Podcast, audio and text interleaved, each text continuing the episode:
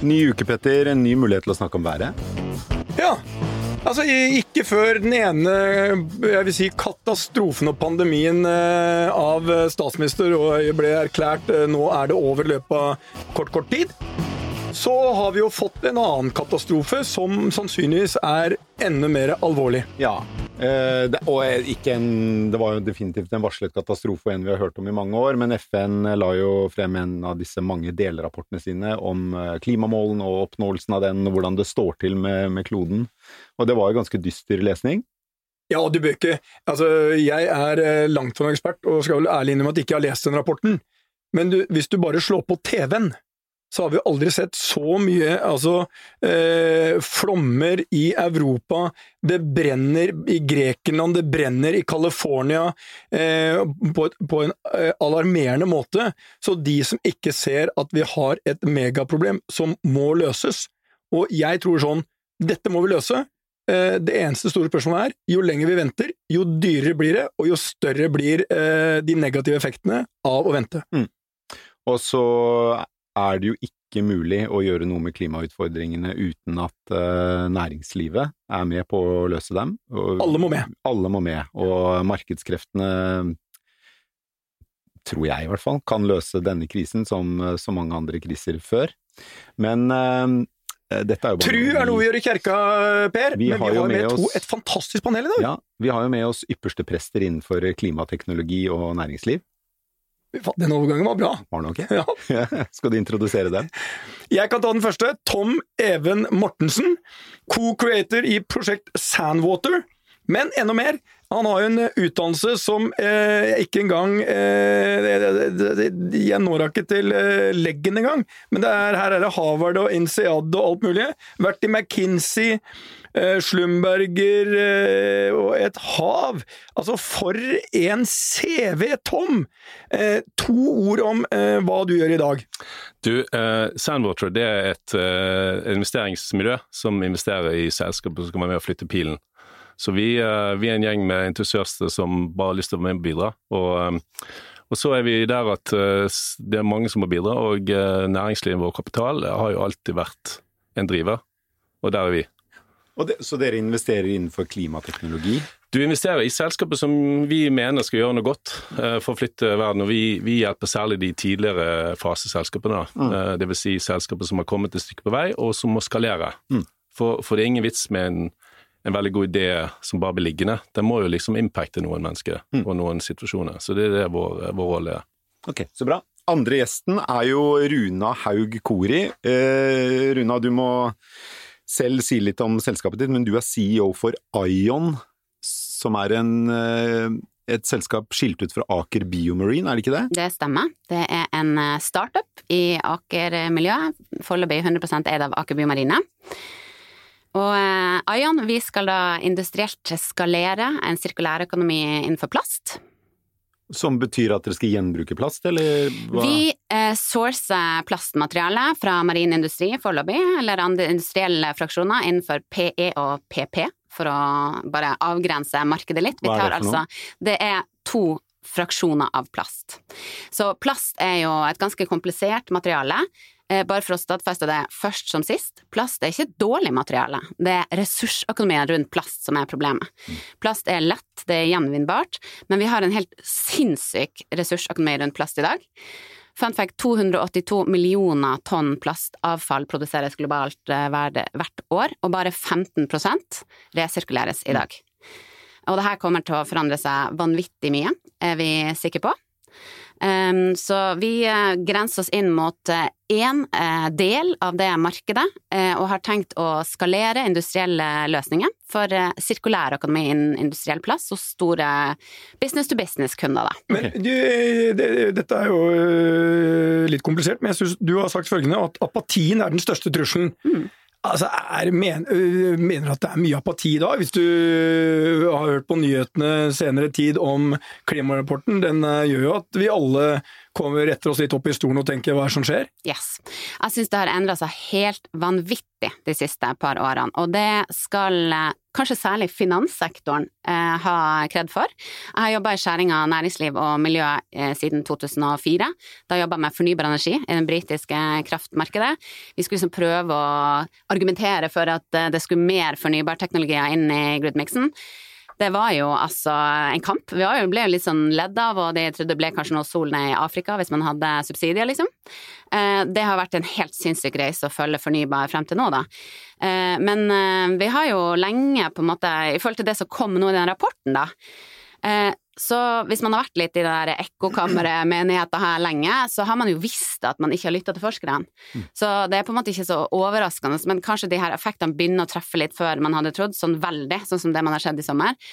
Eh, og det gir jo helt klart en ny type oppvåkning. Eh, og det, det som, hvis jeg kan bare skyte inn her, fordi at uh, og by the way, hvis du trenger kapital og litt hjelp til å vokse, så kan du komme en dag til oss også. Men, men, det som vi har sett, og jeg har jobbet med Summa Equity, som holdt på med dette temaet de siste fem årene, og det er jo bare det tidligere du snakket om å gjøre godt og gjøre business samtidig, så trodde folk at det var en motsetning. Men det å gjøre, løse gode problemer og gjøre godt, kall det for klima, for samfunnet ellers, det er god business. For da skaper du verdier. Og det er ikke noen eh, hva skal jeg si, av, uh, balansering av avkastning, for avkastning må være der. For ellers så får du ikke penger til å reinvestere. Men har det, det endret seg Det har endret seg mye.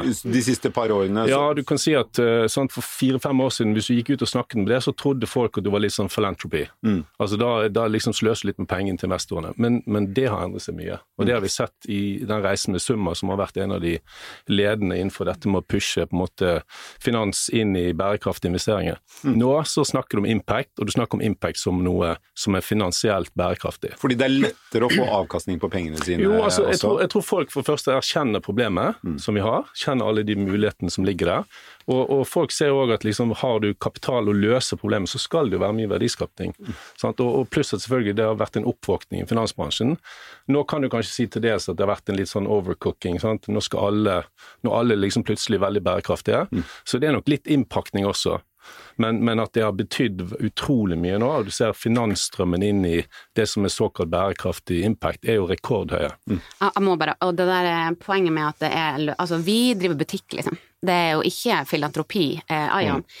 Hvis vi ser litt på det målbildet innenfor de to fraksjonene som jeg nevnte, frem mot 2030, på det markedet i Nord-Amerika og eh, Europa, så eh, hvis Ion tar 1% av det markedet frem mot 2030. Og vi er jo den første aktøren. Eh, vi er på en måte Vi skal jo være lederen, liksom.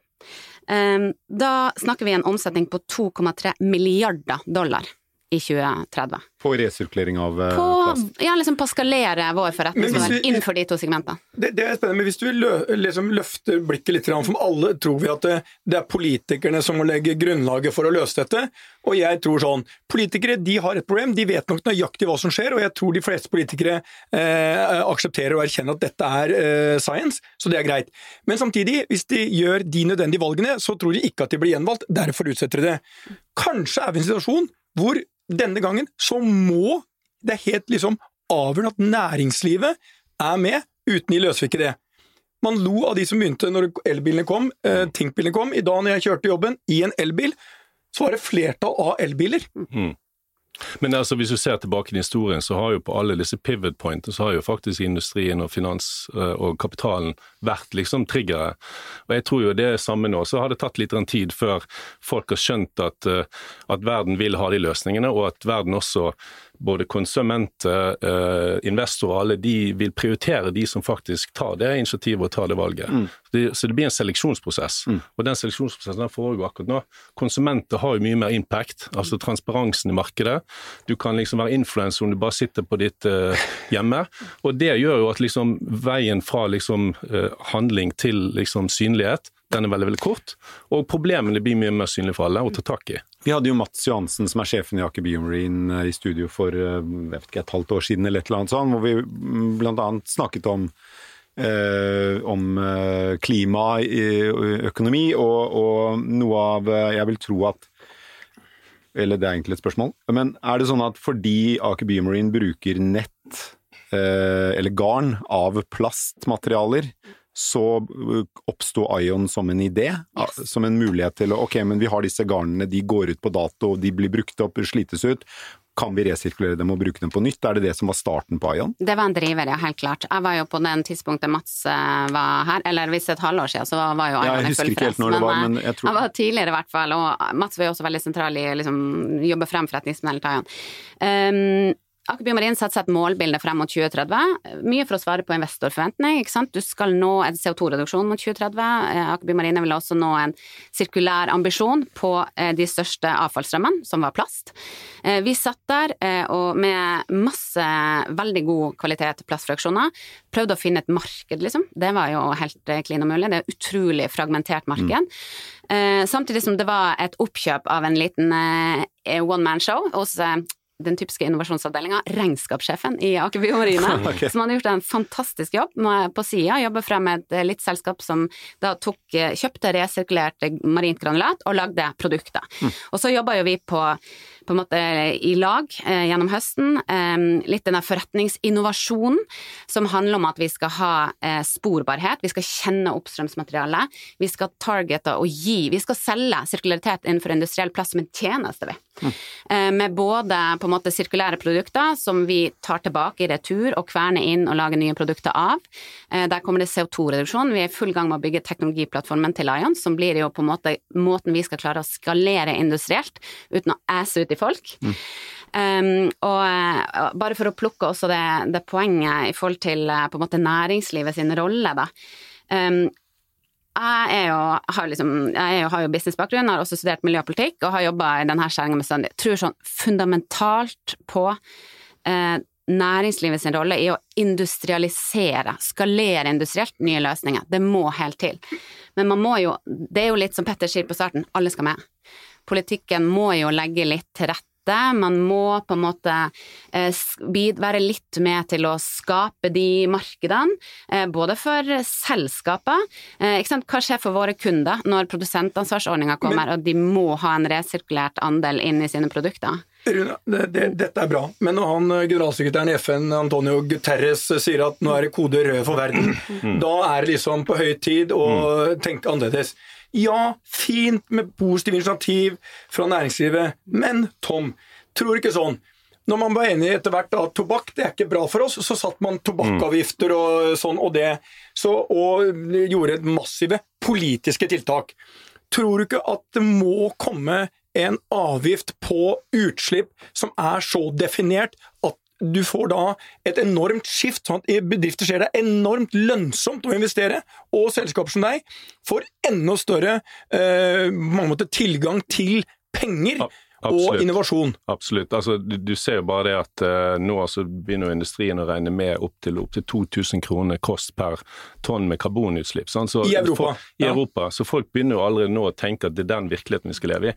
Så det er åpenbart. Du må både ha insentiver. Jeg er jo personlig mest glad i insentivet. Jeg snakker om pisk i tillegg. Jo, men så kommer pisken. sant? Ja. Du må og stick, og stikken må være der. Og jeg tror at noen av disse skiftene, sånn som EU holder på med nå, med det taksonomien og endringer i på en måte karbonbeskatning sånn, det må til. Mm. Altså Jeg er ikke noe tvil om at det Nei. må til. Så du må dytte ryggen. Men, men, det er klart at det som skjer nå, er jo at de smarte de ser jo at uh, fremover så vil det det som er ny virkeligheten. og Hvordan kan du aldri begynne å jobbe nå?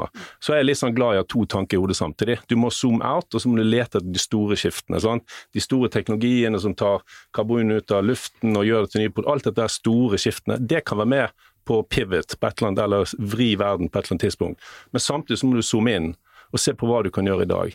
Sånn, så var en mye smartere fyr enn meg som sa at uh, change is about a thousand small new beginnings. Ja. Og jeg tror at det er liksom litt av temaet her også. For det er det jeg syns er interessant med Ion også. fordi det er jo, uh, i, i altså Når verden står overfor kriser historisk, så har det vært sånn i kriger så er det stort sett stater som er de mm. store mm. kapitalinnskyterne, ja, ja, og, og som finansierer mange av innovasjonene. Men i andre kriser, eller i andre store skift i verdenshistorien, så har det ikke vært én teknologi eller ett selskap eller ett ja, miljø som har løst noe eller endret noe. Det har jo vært summen av tusenvis og millioner av innovasjoner og, ja. og, og forretningsfolk som samlet har drevet den endringen. Og det er vel det vi vil se nå med klimateknologi, tror jeg også. At det vil være summen av hundretusenvis av ioner som Absolutt. Det er det man må klare Mm. å se. Og så tror jeg det er Man skal jo være realist i det her. Jeg tror man også må se i øynene at man, vi kommer jo til å se selskaper dø. Mm. Vi kommer jo til å se mange av de som ikke blir å klare omstillinga, og så kommer vi til å se nye som ser muligheter i det.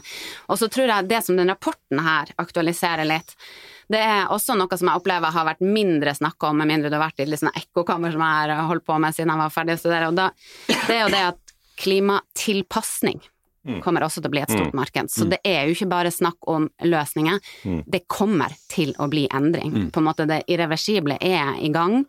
Eh, og jeg tenker at eh, jeg er 100 enig. Jeg syns den der tobakkanalogien er så god. Fordi hvem er det? Man må jo ha systemskifte. Det er næringslivet, og det er politikk. Og så hva skal man kreve av hvermannsen, liksom? Men, men det er jo en ting til også som er lett å glemme. det at Når du snakker om disse klima, så blir det veldig mye utestemme på liksom akkurat med vær og, og vind og energi. Men det, dette er et økosystem som må endre seg. Sant? Så du, sustainability er mye mer bredere enn bare klima.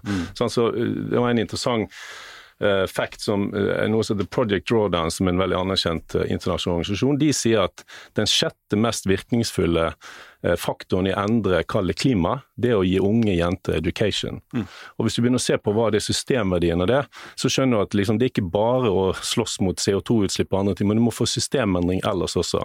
I samfunnet, i ulikhet, i liksom endringer på hvordan education, helse blir spredd rundt i verden. Sånn. Så det er liksom viktig å tenke på dette som et økosystem.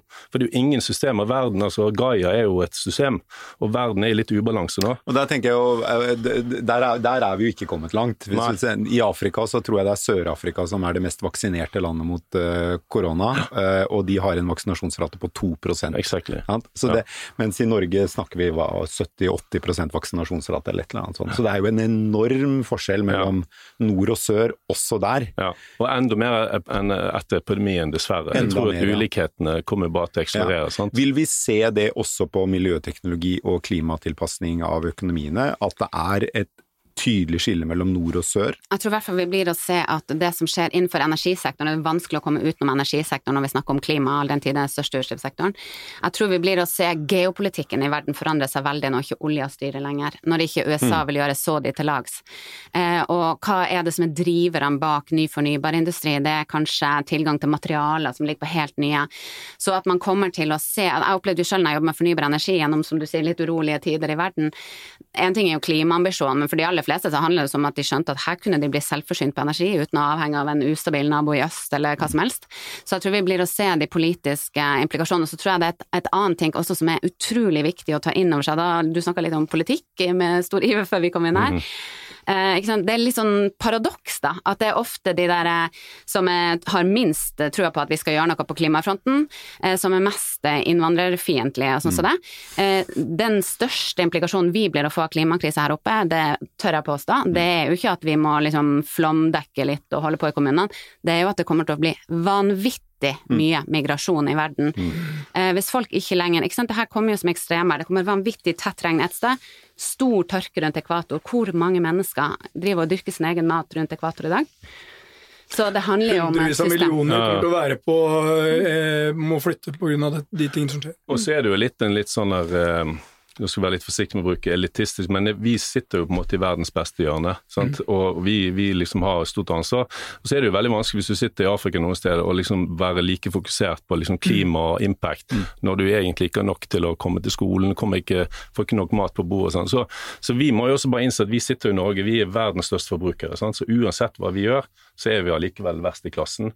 Så, så det er jo noe med også hvordan, hvilket ansvar skal vi ta, og hva kan vi forvente at andre deler av verden faktisk kan gjøre. Så, så det er noe med å begynne liksom i eget eh, hus, da. Mener du det kunne vært en idé at uh, Norge som nasjon, pga. den spesielle situasjonen vi er med, med hvordan mye av formuen vår er bygd opp, at vi burde liksom, at uh, Norge som nasjon burde sagt vi skal bruke 50-100 millioner, vi skal knekke hvordan man lagrer uh, CO2, um, og vi skal gjøre det fordi vi har både økonomien til det, og vi har mest sannsynlig den beste kompetansen i verden til å knekke den koden. Altså Til dels så prøver jo Jeg tror Norge prøver med en del av de initiativene. Vi jo, ligger jo høyest i verden på en del av disse eh, eh, kategoriene rundt eh, hjelp og, og, og, og alt til andre. Men vi har jo tatt noen månelandinger her. Jeg er ikke så sikker på at det er staten og politikere som skal definere liksom hva som er den riktige bruken. Personlig så syns jeg noen av disse månelandingene er litt sånn ja, mye penger, mye symbolpolitikk, men at Norge har, har rikdommen, og i den transition ut av oljeenergi, oljekaldealderen, så har vi mye ressurser, og beste måten jeg tror vi kan gjøre det på, er å insentivere vår egen industri og vår egen næringsliv til å bli veldig, veldig gode i den neste Men fasen. Tom, Ja. leterefusjonsordningen gjorde at veldig mange internasjonale selskaper nettopp satte seg i Norge. Ja. Fordi de fikk, eh, de var, de, staten på mange måter tok bort mye av risikoen Ja. ved å prøvebore, og så tok de tilsvarende høyere skatt Ja. når du lyktes. Ja. Hvorfor skal vi ikke bruke den på samme måte nå Jo. eh, som vi brukte den den gangen? Jo, det, det, det er godt. Altså Disse insentivene som, kan si, som var, det at du, du, du tillater folk å ta risiko, og risiko det vil noen ganger medføre at du treffer et hull med masse gull i. Ja. Og Det er jo litt av det du sier. Sant? Hvis du kan lage ordninger som gjør at det er lov og det økonomiske smarte eh, smart å ta risiko, så vil du noen ganger treffe. Så, men akkurat hvordan du skal gjøre det Jeg Jeg, jeg, jeg, har ikke svar heller. Jeg bare sier sånn, For et miljø som dere, hvis dere fikk beskjed om for, Bare vær klar over følgende. Vi dekker 80-90 av ø, forskningen og Ja, ja. eh, kostnaden med det. Mm. Da tror jeg dere ville fått tilført mye mer Ja. risikokapital, fordi det er så høy avkastning. Ved, ved, ved at staten eller da, tar en god del av risikoen på nedsiden.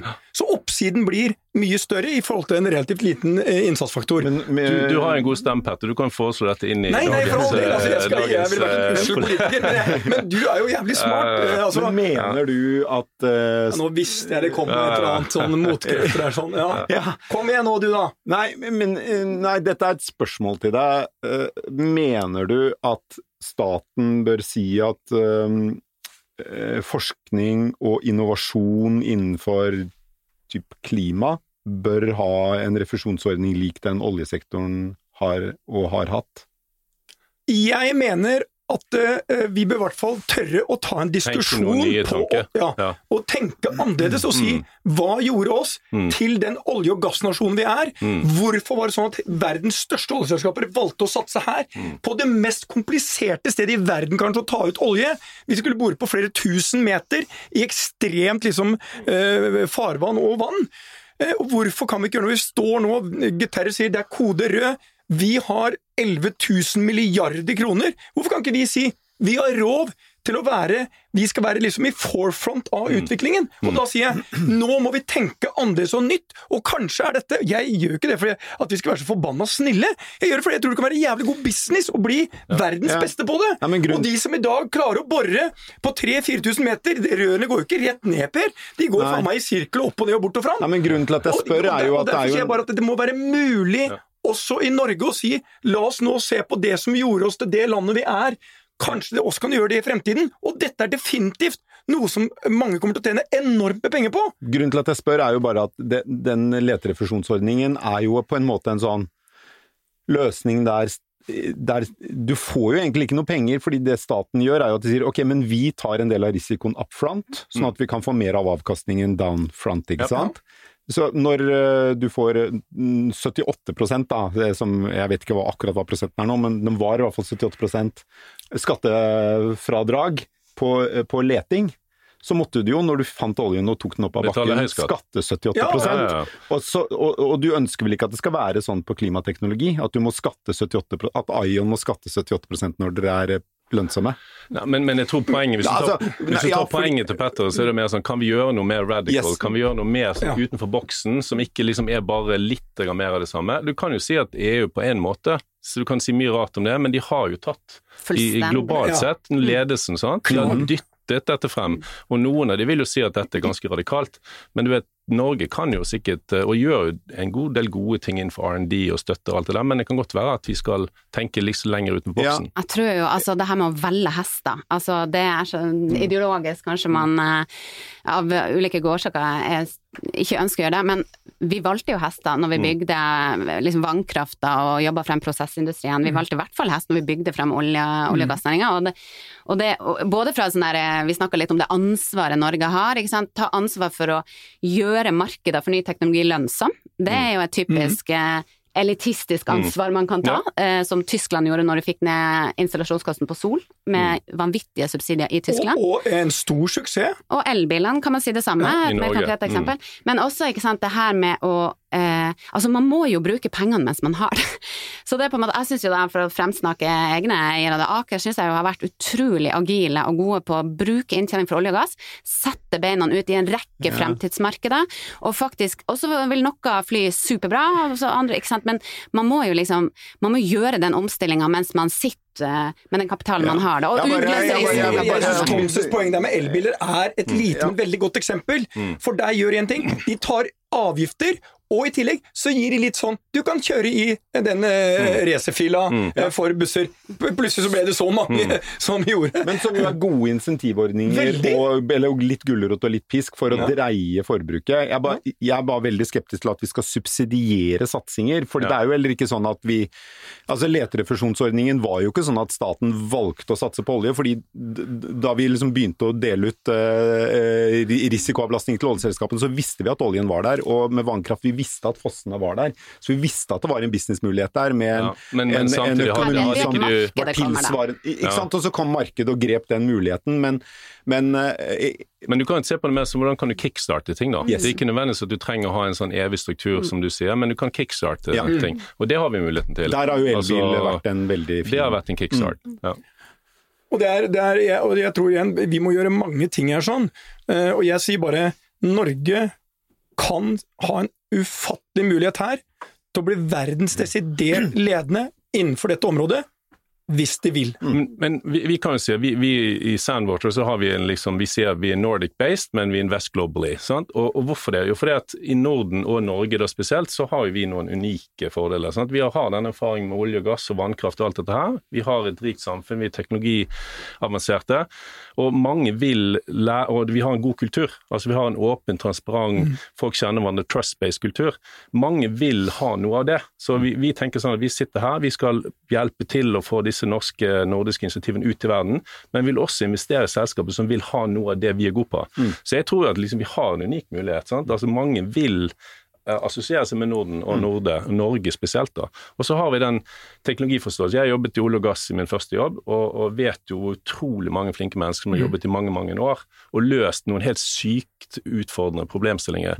De er de samme menneskene nå som hopper over. De har kommet kanskje midt i livet, eller de er på vei ut. De vil over noe annet. Grønne skifte, klima, havvind og Sånn alt som det Som deg som gikk fra McKinsey og andre toppjobber og rett inn i litt filantropisk Ja, investorvirksomhet for å redde filantropisk, verden. sånn, jeg skal ikke si Nei, det høres ikke eh, veldig filantropisk ut. Ikke veldig snilt sånn i den forstand. Nei, men altså, det er jo noe med at liksom, hvorfor gjør det? Jo, det er mest av alt for du kan. Altså, For personlig så er det fordi at jeg kan, og fordi jeg har lyst. Sant? Og, og du kan gjøre masse greier. Og så har jeg også vokst inn i at liksom, impact dreier seg om å på en måte bruke noe av det du kan, nettverket ditt, kapital og, og, og liksom egenskapene, og ikke minst da liksom være litt sånn, gi litt tilbake. Jeg har vært gründer selv i seks-syv år, så jeg vet jo hvor tøft det er å drive frem ting. Og så vet jeg òg at liksom på noen sånne brekkpunkter så trenger du hjelp.